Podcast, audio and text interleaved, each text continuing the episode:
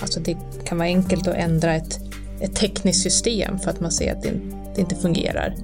Men att, att skapa en, en förståelse för eh, olika aktörers roller eller ändra en organisationskultur är ju mycket svårare.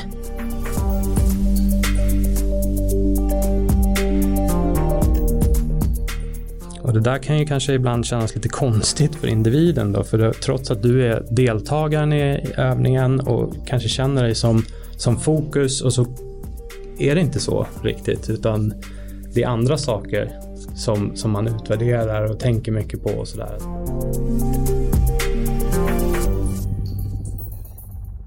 Övning ger färdighet. Det är en sanning som bekräftas gång på gång.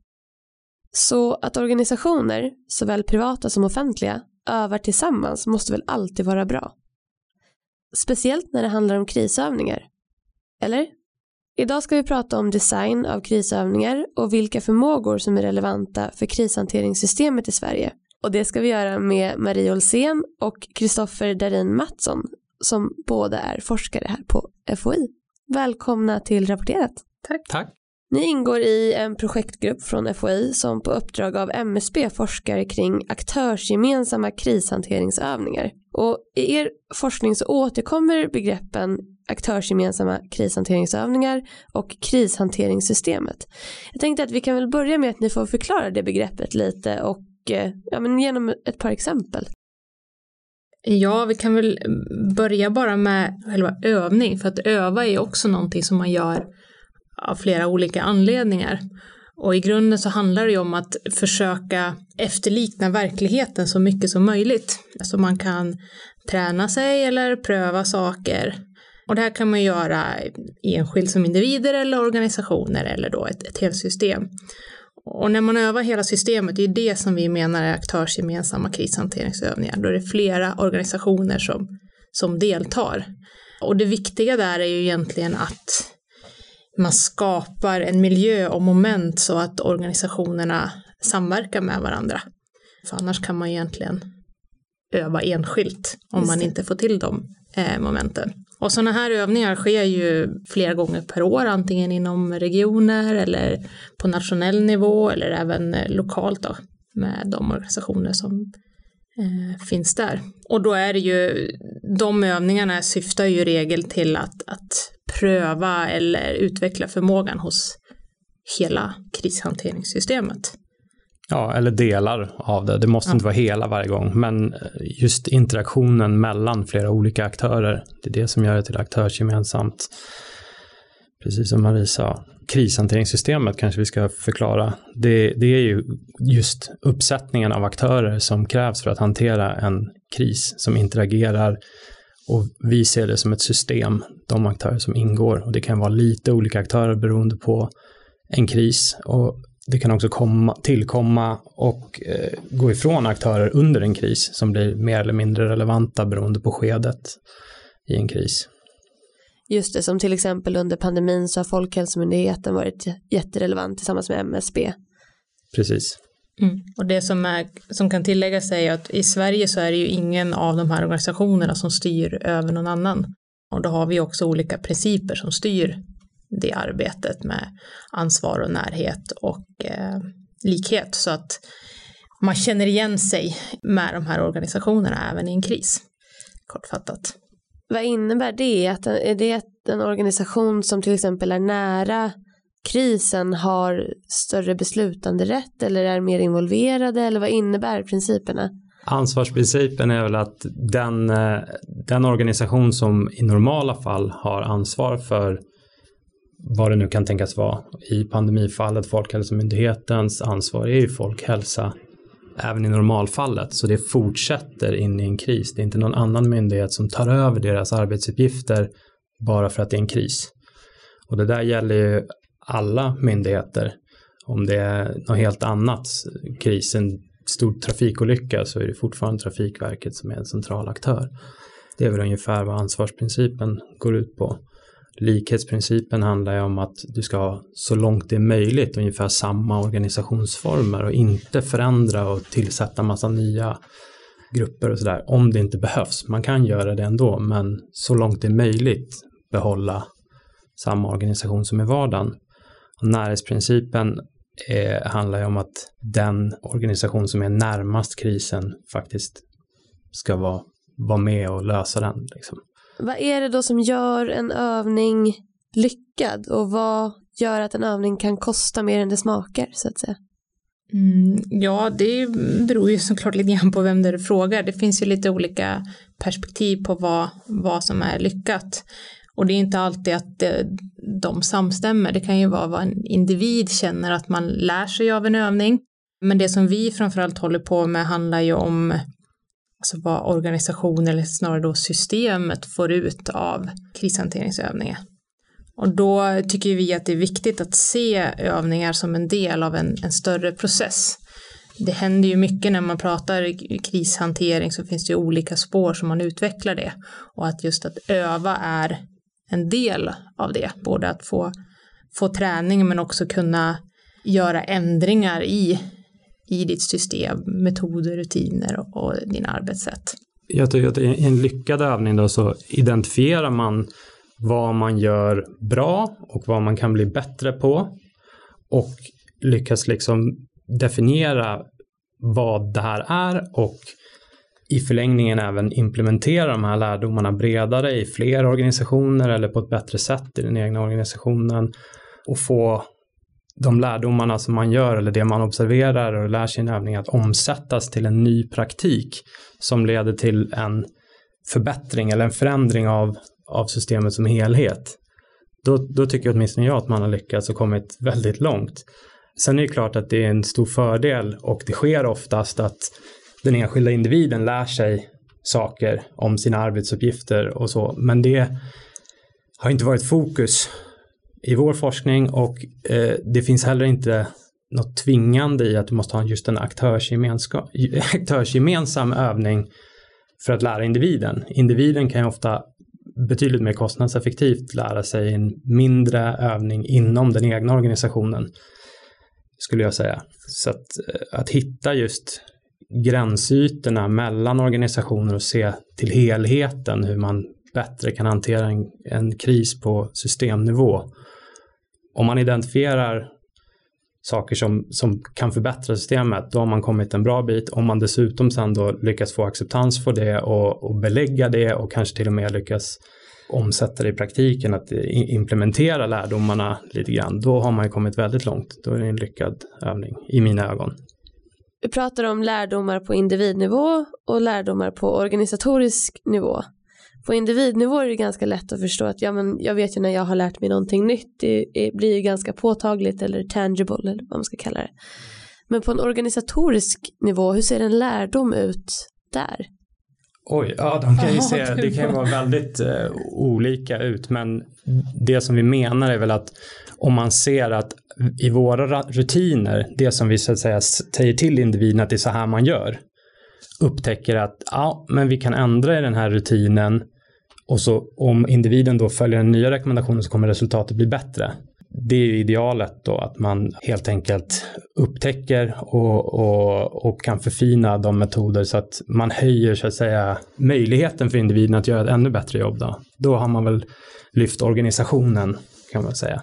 Eh, och det där kan ju vara svårt och Man vet ju kanske inte alltid om, om det nya sättet att arbeta på, om det faktiskt är bättre. Det måste man antagligen ha flera övningar och kanske andra utvärderingsformer också för att verkligen bestämma sig. Är det värt att förändra eller är det bara så att det gamla sättet att jobba kanske faktiskt är bättre men vi gjorde det lite dåligt den här gången.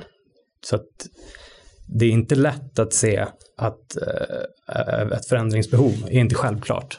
Finns det också risk att man identifierar ett förändringsbehov för att det är så attraktivt att förändras? Ja, det, det skulle jag gissa på. Det är inte något jag har tänkt så jättemycket på, men visst kan du se, tro att så här blir det nog bättre. Så ska vi göra. Eh, och det är där, delvis det man har övningar till, att, för, att, att kontrollera då. Är det, är det här bättre? Just det. Det som är risken där eh, och som kanske är varför övningar kan kosta mer än, än de smakar är att man tenderar att plocka ja, de lågt hängande frukterna, det som är väldigt enkelt att förändra. Medan det här större och det som är svårt att, ta på, som också tar längre tid att förändra, det kanske tappas bort lite grann. Alltså det kan vara enkelt att ändra ett, ett tekniskt system för att man ser att det, det inte fungerar. Men att skapa en, en förståelse för eh, olika aktörers roller eller ändra en organisationskultur är ju mycket svårare. Men sådana saker kan ju också övningar påvisa, men det kommer ta mycket längre tid. Är vi bra på krisövningar i Sverige? Jag skulle vilja säga ja. ja. Det är ganska bra. Vi har ju inom projektet gjort litteraturstudier där med mycket internationell forskning och tittat hur man gör på andra ställen och så. Och mitt intryck är att Sverige ligger ganska långt fram på krisberedskapsövningar generellt och samverkansövningar kanske särskilt. Det har jag väl inget jättebra belägg för kanske, men det är nog ändå mitt, mitt intryck. Det finns ju mycket om kriser från andra länder, men, men jag tror nog, att, precis som Kristoffer säger, att just övningar har nog varit övervägande svensk forskning i underlaget. Mm. Mycket, mycket material från eh, nederländska exempel och sen såklart eh, amerikanska och eh, brittiska. Men annars är mycket empiriskt underlag är svenskt om man, om man tittar på samverkansövningar i forskningslitteraturen. Vad tror ni det beror på? Det för att vi inte har haft lika många kriser och därför behöver vi liksom iscensätta dem? Dels kan det nog vara så, men också så har vi haft en, en väldigt eh, vad ska vi säga, öppen kultur runt eh, krisberedskapen och en del andra länder så tror jag att betydligt mer är inte öppen information, så det är svårare att forska på. Och sen finns det naturligtvis ett urvalsfel från vår sida. Vi kommer ju bara åt studier som är skrivna på engelska och i viss mån svenska då, men det finns nog kanske ett stort material som vi inte har kan titta på helt enkelt av språkskäl. Vilka är då de största fällorna att gå i före, under och efter en övning?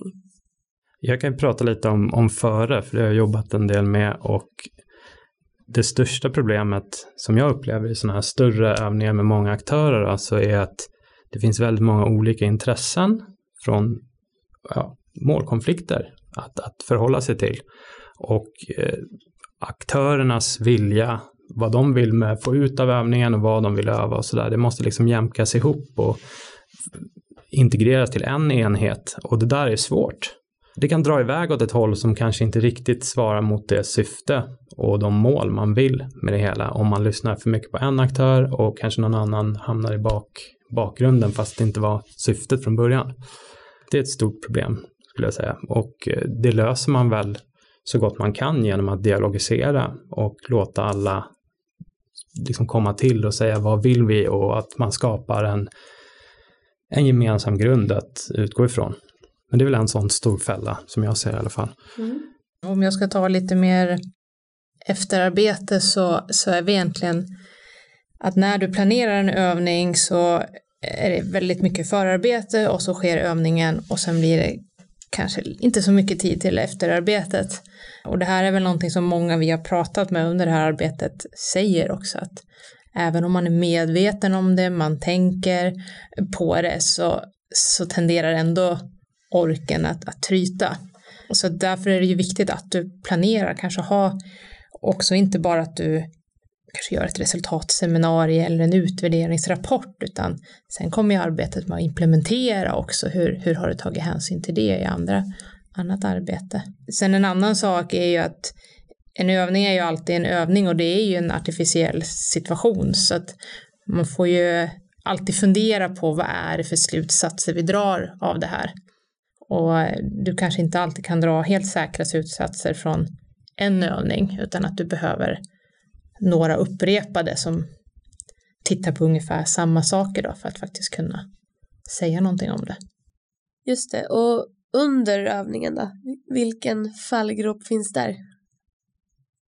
Ja, men mycket under en övning är ju kopplat till, till planeringsstadiet så det kanske missar du saker där så kommer du missa under en övning också. Men en, en sak som vi har pratat en hel del om det är ju att om du, alltså trycka på det här samverkan, om du övar aktörsgemensamt så är det ju, du måste skapa situationer där samverkan uppstår. Så att du inte övar i dina eh, stuprör utan faktiskt möts så att de här gränsytorna berörs i, i den typen av övningar.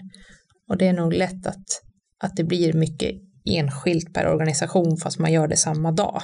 Att du måste verkligen trigga de momenten i övningen. Det låter rätt utmanande. Ja, det finns väl exempel på att det som var tänkt som aktörsgemensamma övningar kanske snarare blir en, eh, flera stycken parallella övningar och inte så mycket interaktion som man kanske ville ha. Jag vet att ni har delat in det här projektet i fem delar eller fem resultatdelar. Så jag tänkte att vi kan väl gå igenom dem.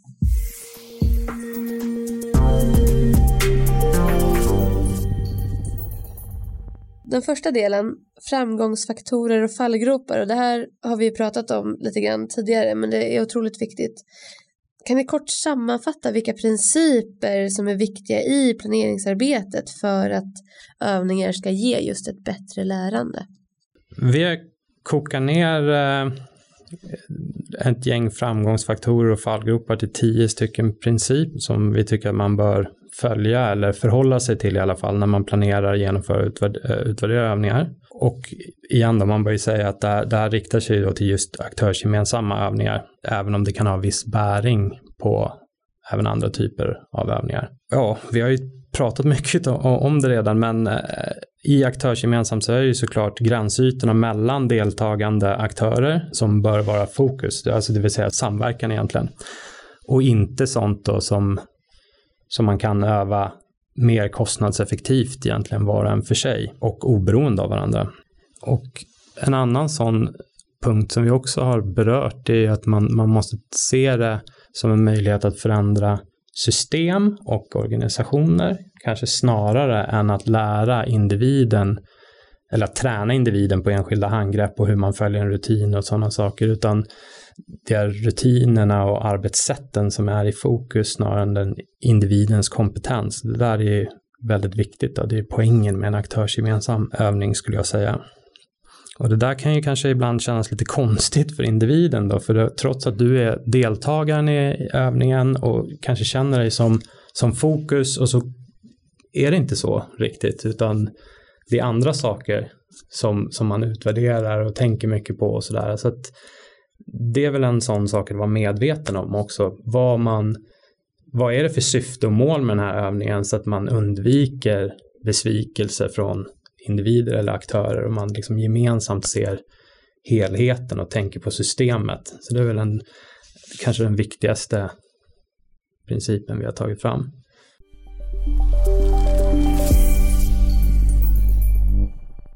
Den andra resultatdelen handlar om vem som lär sig något från krisövningen. Och här har ni en intressant hypotes om att en person som deltar i två övningar kan ge sämre nytta till sin organisation än någon som deltar i en övning och sen är med som observatör i en annan. Kanske låter lite rörigt, eh, men ni kan väl berätta lite mer, jag tycker det här är jätteintressant. Ja, nytta är ju, det är ju lite svårt att, vad är nyttan med det, men vi vill ju trycka på att man lär sig olika saker. Eh, och det hänger ihop med de här principerna och det var ju där det identifieras också, så att vi ville ju testa det här och gjorde intervjuer på en mindre övning med personer som antingen deltog eller som observerade.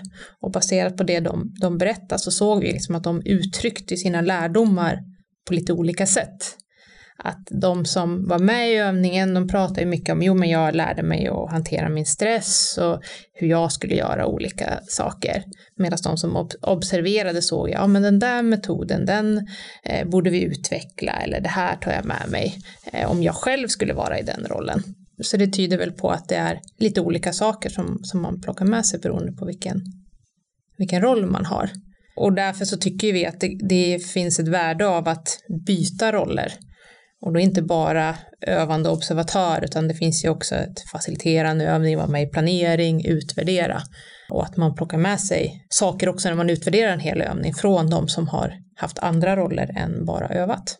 Och jag skulle vilja lägga till också att lärandet sker inte enbart under själva övningstillfället utan även under planeringen innan en övning så jobbar man ju aktivt med saker som har ett värde även om, om övningen kanske inte ens genomförs. Alltså man, eh, man identifierar ju till exempel vad, som, vad man behöver bli bättre på och väljer en av de sakerna eller två eller tre att öva på. Men det kan finnas en hel bakkatalog med andra saker och de, då känner man ju till dem när man planerat övningen och förstår det, det sammanhanget också.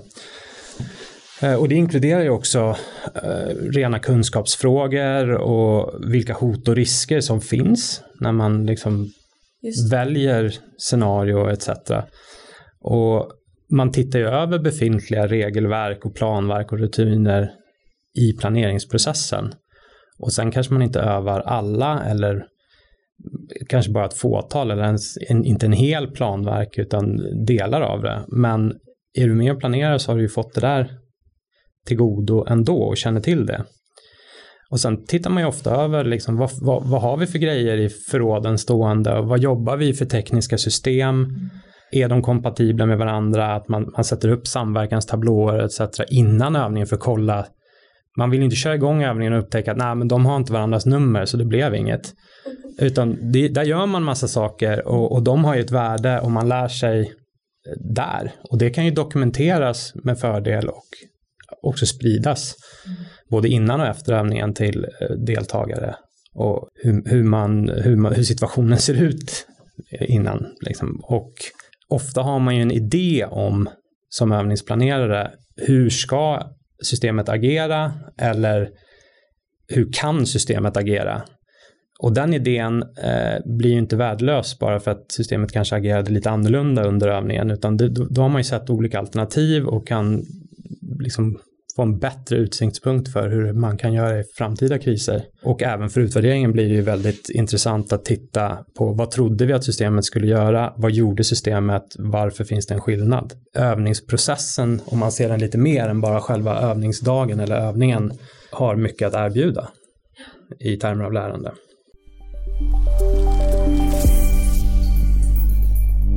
Vi ska prata mer om eh, övningsdesign som är den tredje delen. Här skriver ni att ni använt en morfologisk analys. Vad innebär det? Ja, ska vi gå igenom hela vad morfologisk analys, det är nog ett helt eget poddavsnitt om jag ska eh, eh, och så, men om jag ska, ska eh, göra det lite kortfattat så så är en morfologisk analys ett sätt att försöka tämja vildvuxna problem, eller komplexa problem som man också säger. Och det är väl egentligen problem som inte har en entydig lösning utan väldigt många olika beroendevärden eller dimensioner och de här kan ju behöva jämkas ihop. Och vi har ju varit inne lite grann på det just det här med, med förväntningar och hur har man, vad har man för syfte och förhåller det sig till den information man vill få ut. Men egentligen är det kanske inte själva eh, analysvalet som är det viktiga utan slutprodukten tycker vi som är en sorts tankeverktyg för att sortera i de här dimensionerna och som då är tänkt att användas som ett stöd när man inriktar och eh, planerar en aktörsgemensam övning. Så det hänger ihop eh, väldigt mycket med de här principerna som Kristoffer har berättat om. Och när vi gjorde den här analysen så utgick vi från en huvudfråga som handlar om vilken information som vi ville att, att övningen skulle generera. Alltså vill, ville vi att den ska säga att men vi är på den här nivån eller vill vi att den ska peka mer i vilken riktning som man ska göra förändringar. Och sen så har vi diskuterat dels eh, internt här på FOI, vad är det för dimensioner som är viktiga för att kunna svara på den här frågan, men sen har vi också gjort ett antal workshop med, med praktiker som har jobbat länge med övningar. När, man, när vi jämför de här eh, olika dimensionerna så får vi ju ett utfall som kanske visar att vill du förändra alltså få ut information för att förändra systemet så är det kanske inte nybörjare du ska ha. Visst, det säger väl en, en sak liksom, eh, om nybörjare, men du vill ha liksom något mer, vad, vad, är den troligaste, om, om det skulle ske en kris idag, vad är den troligaste organisationen? Då kanske du kan säga mer om hur du måste förändra ditt, ditt system. Och du kanske inte heller ska ha ett, ett syfte att vidmakthålla en förmåga, för då får du inte heller ut information som hjälper dig hur du ska förändra, eftersom eh, ditt syfte handlar ju om att du vill hålla din, den nivå du har. Så då har vi laborerat med lite sådana olika dimensioner. Just det, för om man sätter ett gäng nybörjare i en krisövning då får man kanske inte veta, det kommer inte vara nybörjare som sitter i en kris när krisen kommer, eller? Nej, helst inte. det skulle, skulle ju kunna vara så, så vill du veta hur, hur ditt system med nybörjare skulle fungera så får du ju svar på det. Men det är lite sånt man måste fundera på. Vad är det egentligen vi, vi får ut för information från den här övningen genom att välja olika dimensioner. Vad finns det för olika typer av övningar? Hur kan en övning designas? Oj, ja det finns ju, det finns ju flera, många olika sätt men vanligast, en vanlig uppdelning är väl att tänka i att om det antingen är en seminarieövning där man eh, kanske pratar med varandra, hur skulle du göra då, hur skulle jag agera och, och försöker komma fram till något. Och tabletop brukar man säga då på engelska. Eh, och en annan, en annan som är skild från det är simuleringsövning. Då är det mer man faktiskt agerar som man försöker efterlikna systemet som man som finns så mycket som möjligt och man agerar i sina egna lokaler och sina egna faktiska redskap snarare än att diskutera sig framåt. Sen kan du göra fältövningar och då är du ute i fält och rör dig i miljön. och sen brukar man väl prata om rena larmkedjeövningar ibland där man helt enkelt bara kontrollerar att information kommer fram på rätt sätt och att man kontaktar varandra och har uppdaterade samverkanstablåer och sådana saker. Det är ett ganska vanlig uppdelning, jag säga. Men det finns andra övningsformat också. Eller korsningar av de här kan man väl säga. Som man lägger in olika moment med olika design i.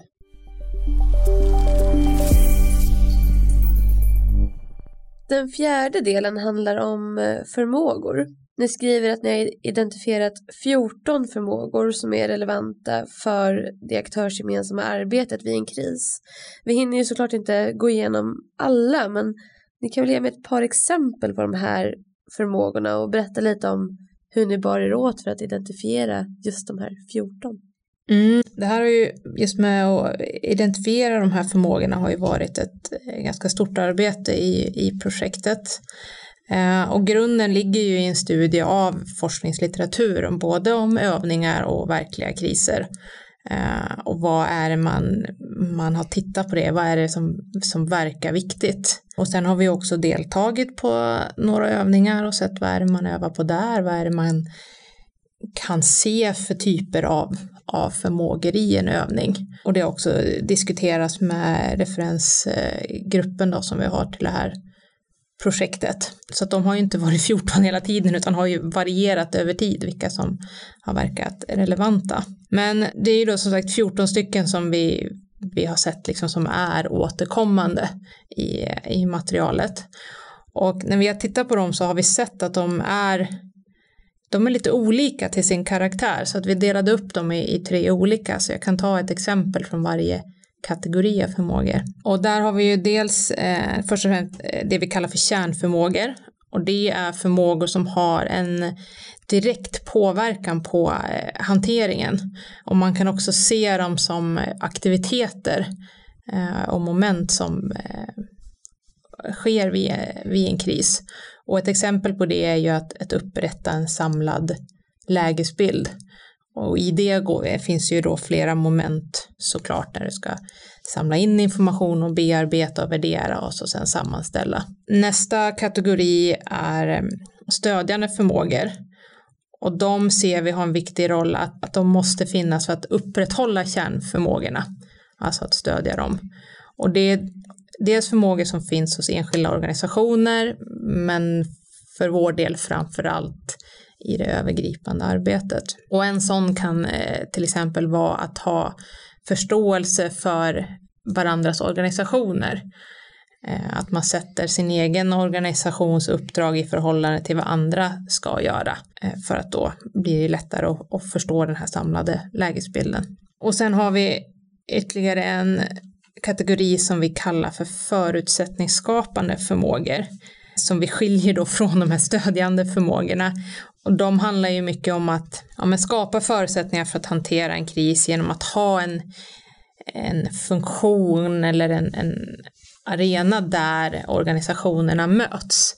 Och en eh, förmåga som vi har där är till exempel att kunna ens aktivera ett aktörs gemensamt arbete så att vi inte hamnar i de här stuprören utan att det finns kontaktytor mellan organisationer. Och ett vidare arbete som vi eh, gör nu med de här förmågorna är ju att hitta en metod eller ta fram ett stöd för hur de här skulle kunna värderas vid en övning. Det låter ju som ett bra verktyg för att verkligen fundera på sitt syfte. Vilken förmåga är det jag vill se närmre på? Ja, men tanken, tanken är ju det att nu när man ska planera sin övning eh, och fundera på men vad ska vi öva på? Och det kanske är så att du inte vill öva på allt det här samtidigt utan du fokuserar på några som är viktiga. Att de här, de här tre är mest centrala för den här övningen.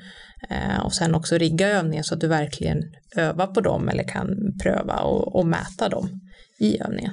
Och alla förmågor kanske inte är relevanta i alla typer av kriser eller hur ser det ut? Är de alltid applicerbara eller beror det på krisens karaktär? Nej, vi har ju tänkt att de ska vara eh, generiska över alla, alltså inte specifika för ett visst scenario, utan de är ju identifierade. Vi har ju tittat på skogsbränder och översvämningar och en bredd på händelser. Eh, och jag skulle nog säga att de är ganska generiska och oberoende av händelse så krävs de.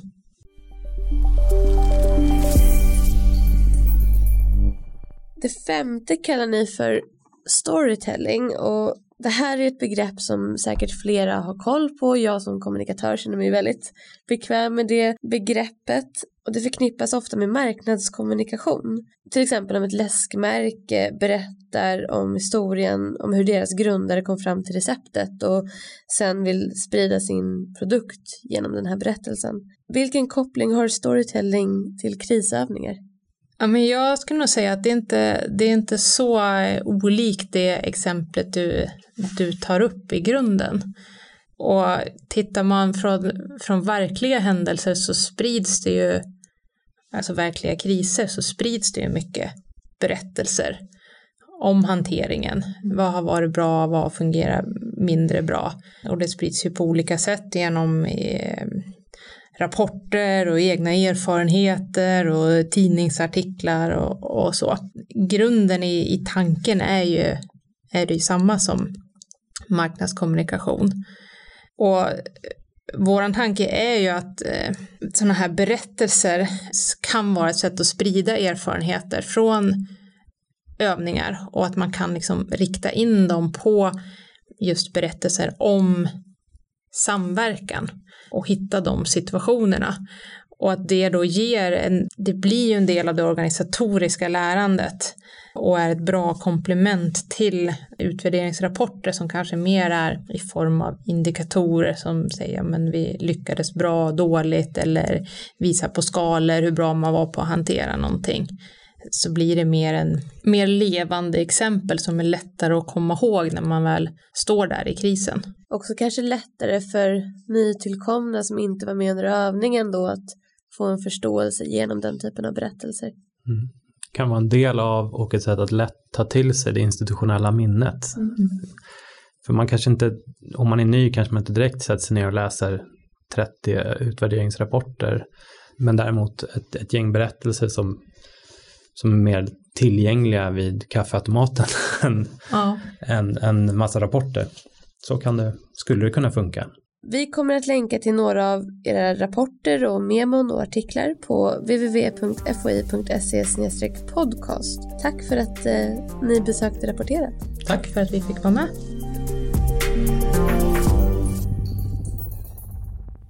Den här podcasten har producerats av Totalförsvarets forskningsinstitut.